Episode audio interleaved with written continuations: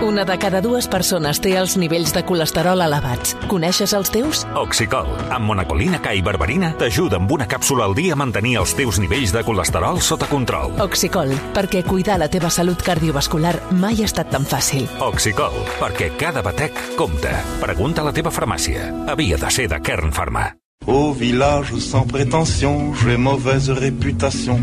Que je me démène ou que je reste quoi, je passe pour un je ne sais quoi. Je ne fais pourtant de tort. Hola, Destructor. Espera, espera, que el micro està tancat, Santi. A veure si l'obrim.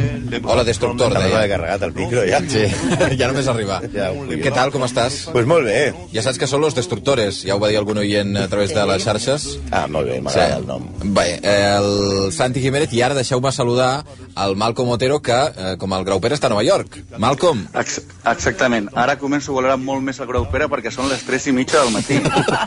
i en directe, eh? Extraordinari. Sí, però el grau pera que hores és quan s'aixeca. I tu Sí. no t'has anat a dormir. Sí, sí. Bueno, això és un secret. Era. Amb el, amb, el, amb el Santi i el Malcom el que fem bàsicament és eh, obrir aquest club dels il·lustres execrables eh, i introduir-hi personatges que tothom admira o que tenen una admiració general eh, per la seva tasca, eh, siguin eh, periodistes, siguin eh, polítics, siguin escriptors, siguin esportistes, actors, etc i destrossar-la, i destrossar aquesta reputació. Sí, home, havíem començat, vam començar primer amb Gandhi, després vam seguir també, bueno, també amb el Shakespeare, amb Steve McQueen, i avui ens toca, pues, res, James Joyce. James Joyce. Res, ni més ni menys. Segurament James Joyce i la seva obra Ulisses és una de les revolucions més transcendentals de la literatura moderna. Un llibre que té milers de referències, en jocs fonètics i amb moltíssimes capes de lectura. La, el llibre és, només explica un dia. Un dia de Leopold Bloom i les seves peripècies a Dublín el 16 de juny de 1904. Aquesta música tan bonític, bonica d'Alex North, Sí. és de la pel·lícula Los Muertos, que va fer John Huston. Los Muertos. Sí, que es va estar basada en l'obra Dublineses de Joyce. Mm. Qui no ha llegit Joyce? Ningú! Ningú ha llegit a Joyce. Ningú.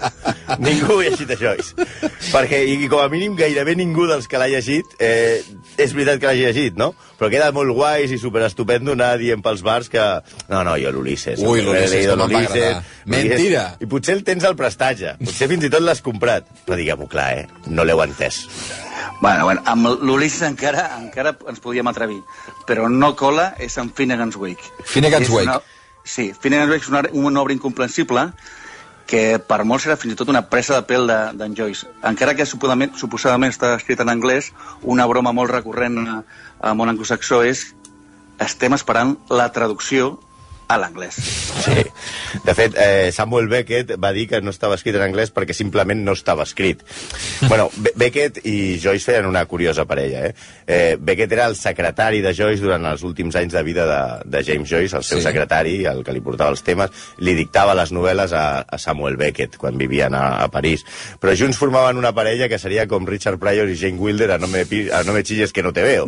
Era perquè Joyce no veia res, o sigui, veia menys que un talp, havia tingut, em sembla, 11 operacions de, de la vista, des de patint de ambulleres de cul de got, i Beckett eh, estava sort com una tàpia, no? Era una mica Doña Rogelia. L'estranya parella. Sí, sí, no, devien ser un número. Brutal. dos. Un, Ah, un dictant i l'altre... Sí, i, uh, i expliquen que quan estava dictant-li a Finnegan's Wake, estava dictant Finnegan's Wake Joyce a Beckett, algú va trucar a la porta i Beckett va dir... Ai, Joyce. Joyce va dir, endavant. L'altre que estava apuntant va posar endavant enmig de la frase el paràgraf. No? Després, quan ho van lleg- rellegir el text, no, no pintava res la paraula endavant en allò, salió el sol, adelante i, i, I passava el río, no? I, i el...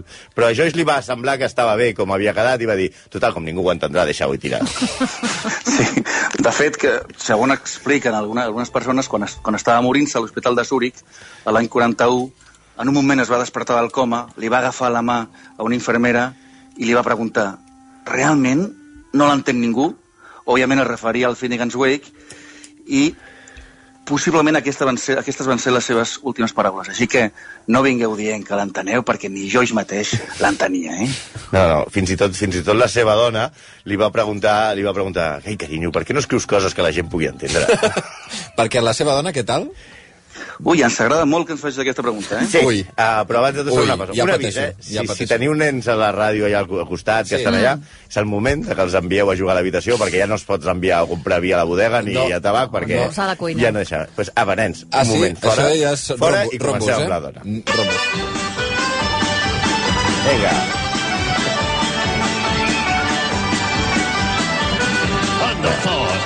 Com m'agrada aquesta cançó? Boníssima. Boníssima. És amb els Dubliners i els Pous. Els Pous. Eh, Uh, les... tios que han acabat amb, les, amb, la, amb el whisky d'Irlanda, entre els dos. Sencer. Sí. La, la seva dona. La seva dona era tot un tema. Es deia Nora Barnacle. Sí. Barnacle en anglès és la traducció de Percebe. Aquí un missatge a, als amics de la competència, que ja saben com es diu Invento Pepinos, deia Percebe.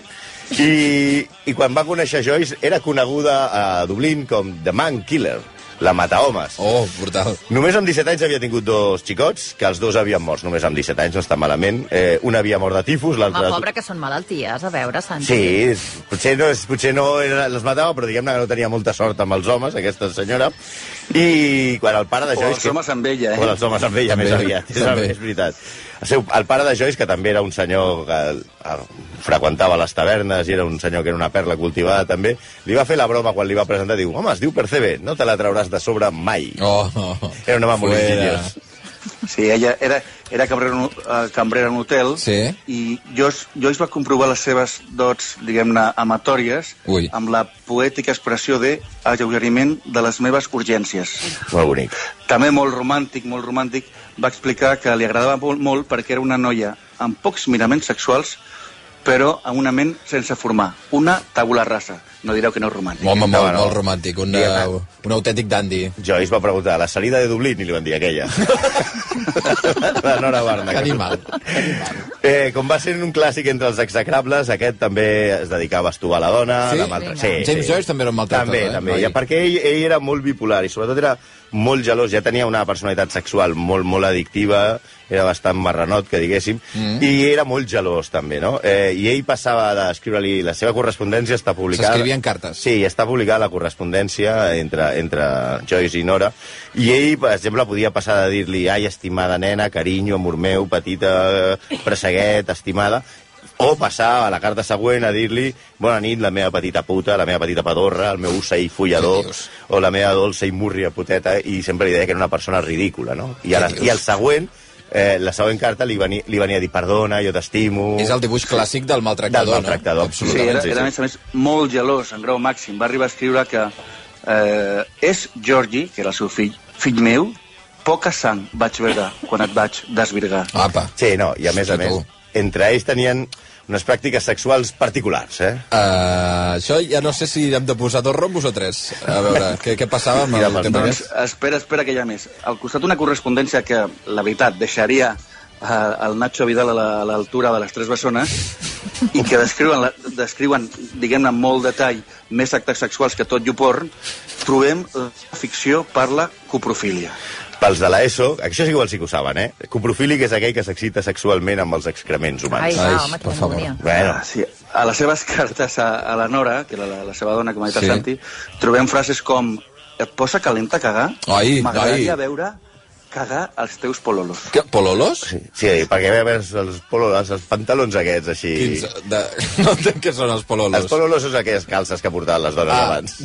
Un bombacho, les dantes. sí. Un Exacte. bombacho, vale. A mi la frase favorita és eh, la quan li escriu m'agradaria veure un xoriço marró a mig sortir pel seu lloc. Va, va, tu, hosti, per O, favor. o les dues parts del teu cos que em fan guarrades són les que més m'agraden, especialment aquell cul ple de pets. Ai, per favor, va, Mira, prou, prou, no, tira. mira, Què- espera, ara que parlem de pets, Espera, no, home, espera. aviam, és que hi ha una oient, la Bon P, que diu, oh no, parlaran de James Joyce i els pets de la Nora. Veus? Veus? Doncs ja ho I sabia. no eren els que s'agafava al bar, eh? bueno, Pim per ella. sí. Eh, La, sí, la, la veritat és que, a més d'aquestes coses que, que estem dient, li agradava pagar i que el paguessin. Era aficionat a les cases de cites, on va contreure només la sífilis, Només? i tenia una relació Només, sí, bueno, per- per. Què vols dir? No, només... Eh, bueno, no puc dir, perquè podia agafar... Bueno, Ah, també sí, podia agafar qualsevol cosa, però déu nhi vull dir, agafar la sífilis no està Sí, mal. sí, no està dir. malament. I tenia una relació també molt complexa amb els diners, perquè clar, com que molts se'l gastava a les cases de cites, però Sí. sí. sempre aquesta relació sempre era a favor seu. Eh? Sí, Ah. no, no, no era un... Diguem-ne que era bastant garrepa, això també ho hem trobat amb, un, mm. amb, una, amb una qüestió que ens hem trobat de tots els execrables que tenien allà davant de la verge del puny. I, com podeu imaginar, ser familiar seu devia ser una, una, una juerga, no? Vull dir, devia ser fantàstic eh, tenir, tenir, tenir relació personal amb, el, amb Joyce, no? Per exemple, amb el seu germà, eh, el va convèncer perquè deixés Dublín i visqués amb ell quan ell estava vivint a Trieste, Itàlia. Li va dir que li prometia una millor vida professional. Diu, vine, vente pa Trieste, hermano, que aquí... Vinga, bro. aquí vente pa Trieste, que aquí ensenyava que- de collons, i l'únic que volia és que no podia pagar el lloguer de la casa i el va, i el va portar perquè li va dir, ara que estàs aquí ja pots apoquinar, no? El seu pare tampoc la relació ja hem dit que no era, no era molt bona, mm. perquè, bueno, el seu pare era un gran alcohòlic. Eh, Hosti, tu, tu, també. panorama, noi. Bueno, era, era irlandès. eh? Era No n'hi ha irlandès. ni un O sigui, que se'n salvi, tu. És irlandès, eh? Alcohòlic Ja, irlandès. ja, ja, alcohòlic, ja. alcohòlic irlandès que està, diguem-ne, a la Premier dels alcohòlics. Eh? A Bundó, només hem començat la temporada, Sí, eh? sí, sí. Ja ho veus. I, És un drama. I, de fet, tampoc ell es portava gens bé amb els seus col·legues de professió, no? Bueno, Ah, de fet, no. els escriptors, i això t'ho pot dir el Malcolm, no es porten ja normalment bé entre ells. Ah, sí, es piquen, Malcolm?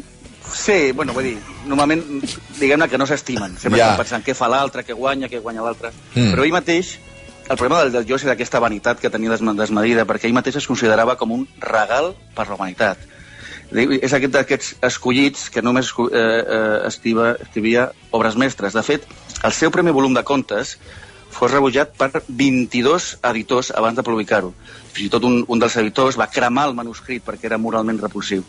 I, però ell era tan modest que pensava que, el que els que s'equivocaven eren els editors. En aquest cas, en la resta dels autors, normalment no és així. En aquest cas, potser Joyce tenia raó. Sí, de fet, ell, ell es troba... Hi ha dues anècdotes molt significatives de la vida de Joyce quan es troba amb altres, amb altres escriptors de la mm. seva època.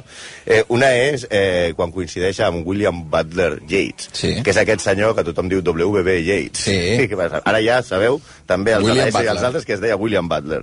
És el poeta nacional irlandès i era un home eh, molt venerat perquè feia una poesia molt patriòtica, molt, molt, molt, molt a l'ús de com es feien les, els poemes, no, diguem-ne.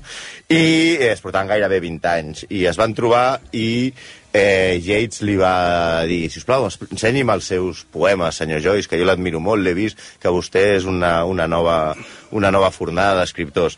I Yates el va humiliar tant que li va dir, bueno, el llegeixo perquè és vostè, però ja sé que vostè és massa gran perquè jo pugui influir-li a la seva escriptura. Això li va dir a Yates, que era Hòstia. el gran tòtem, eh? o sigui, com a l'espriu de...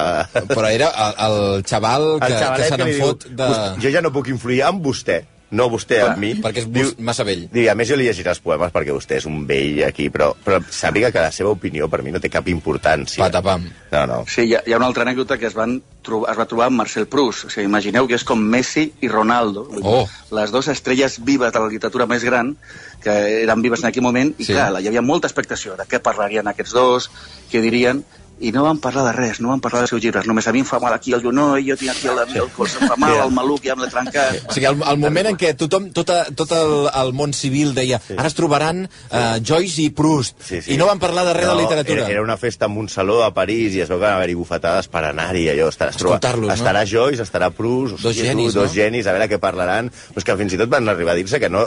Diu, tu, Proust, tu que has escrit jo, el tiempo... Per... Diu, a mi no me suena, eh? I tu, diu, jo, l'Ulisses. M'han dit alguna cosa, diu, però igual... O sigui, no s'havien llegit mútuament. No s'havien llegit mútuament. No, igual has- esperaven a que fessin la sèrie de televisió per, per comentar-se. I van fer com, em fa mal aquí, em fa mal... Ui, sí, dia que fa... venia com, es venia com si fos una classe magistral de literatura i fa, va ser una classe magistral d'anatomia. Sí, no, Era van ser- Sabador, no? Sí, no, a més a més els dos es van competir a veure qui tenia més atxaques, com dos vells mirant obra, Sí, eh? no? A mi, jo tinc el braç molt malament, no? jo tinc l'estómac que m'està matant, i tal, no? Déu-n'hi-do. En fi, que avui hem, hem passat per sobre de Joyce, que s'ha de reconèixer que, a part de les seves relacions amb la seva esposa, tenia, era un dels homes més brillants, sensibles i cultes que ha donat el segle XX, no? I que la seva influència en la literatura moderna, encara que no l'hagueu llegit, i ho sabeu, és, és innegable. Sí, tacat no sé, però l'hem tenyit de marró segur. Va. això això Ai, favor. Això ja estaria, veus, en Per això favor. estaria content ell, no? Ah, sí, molt, molt, molt. I la, la setmana que ve... O sigui, ja hem fet eh, Shakespeare. Shakespeare, Gandhi, Steve McQueen, mm, James Joyce, i la setmana que ve... A veure, anirem a una, baixarem una mica el una cosa que sí que haurem, que haureu llegit, per, o haureu vist les sèries de televisió o les pel·lícules. Parlarem de Sir Arthur Conan Doyle, Uh. el, el creador i autor de, de Sherlock Sherlock Holmes. Holmes. Un home, un home que si visqués avui en dia el veuríem a la nit a la tele. I no estic parlant de la teletienda, precisament. Vols dir que aniria al Sálvame? No, Sí, el sí, no, no, no, no diguis més, no diguis Ah, més, no, no ui. diguis res per la setmana que ve. La setmana que ve, Més Arthur... tard, després del Sálvame. Arthur... pues, doncs, déu nhi Arthur Conan Doyle, eh, la setmana que ve, que passa a formar part del club dels il·lustres execrables. Gràcies, Santi. Eh? A vosaltres. Eh, Malcom, a dormir, eh?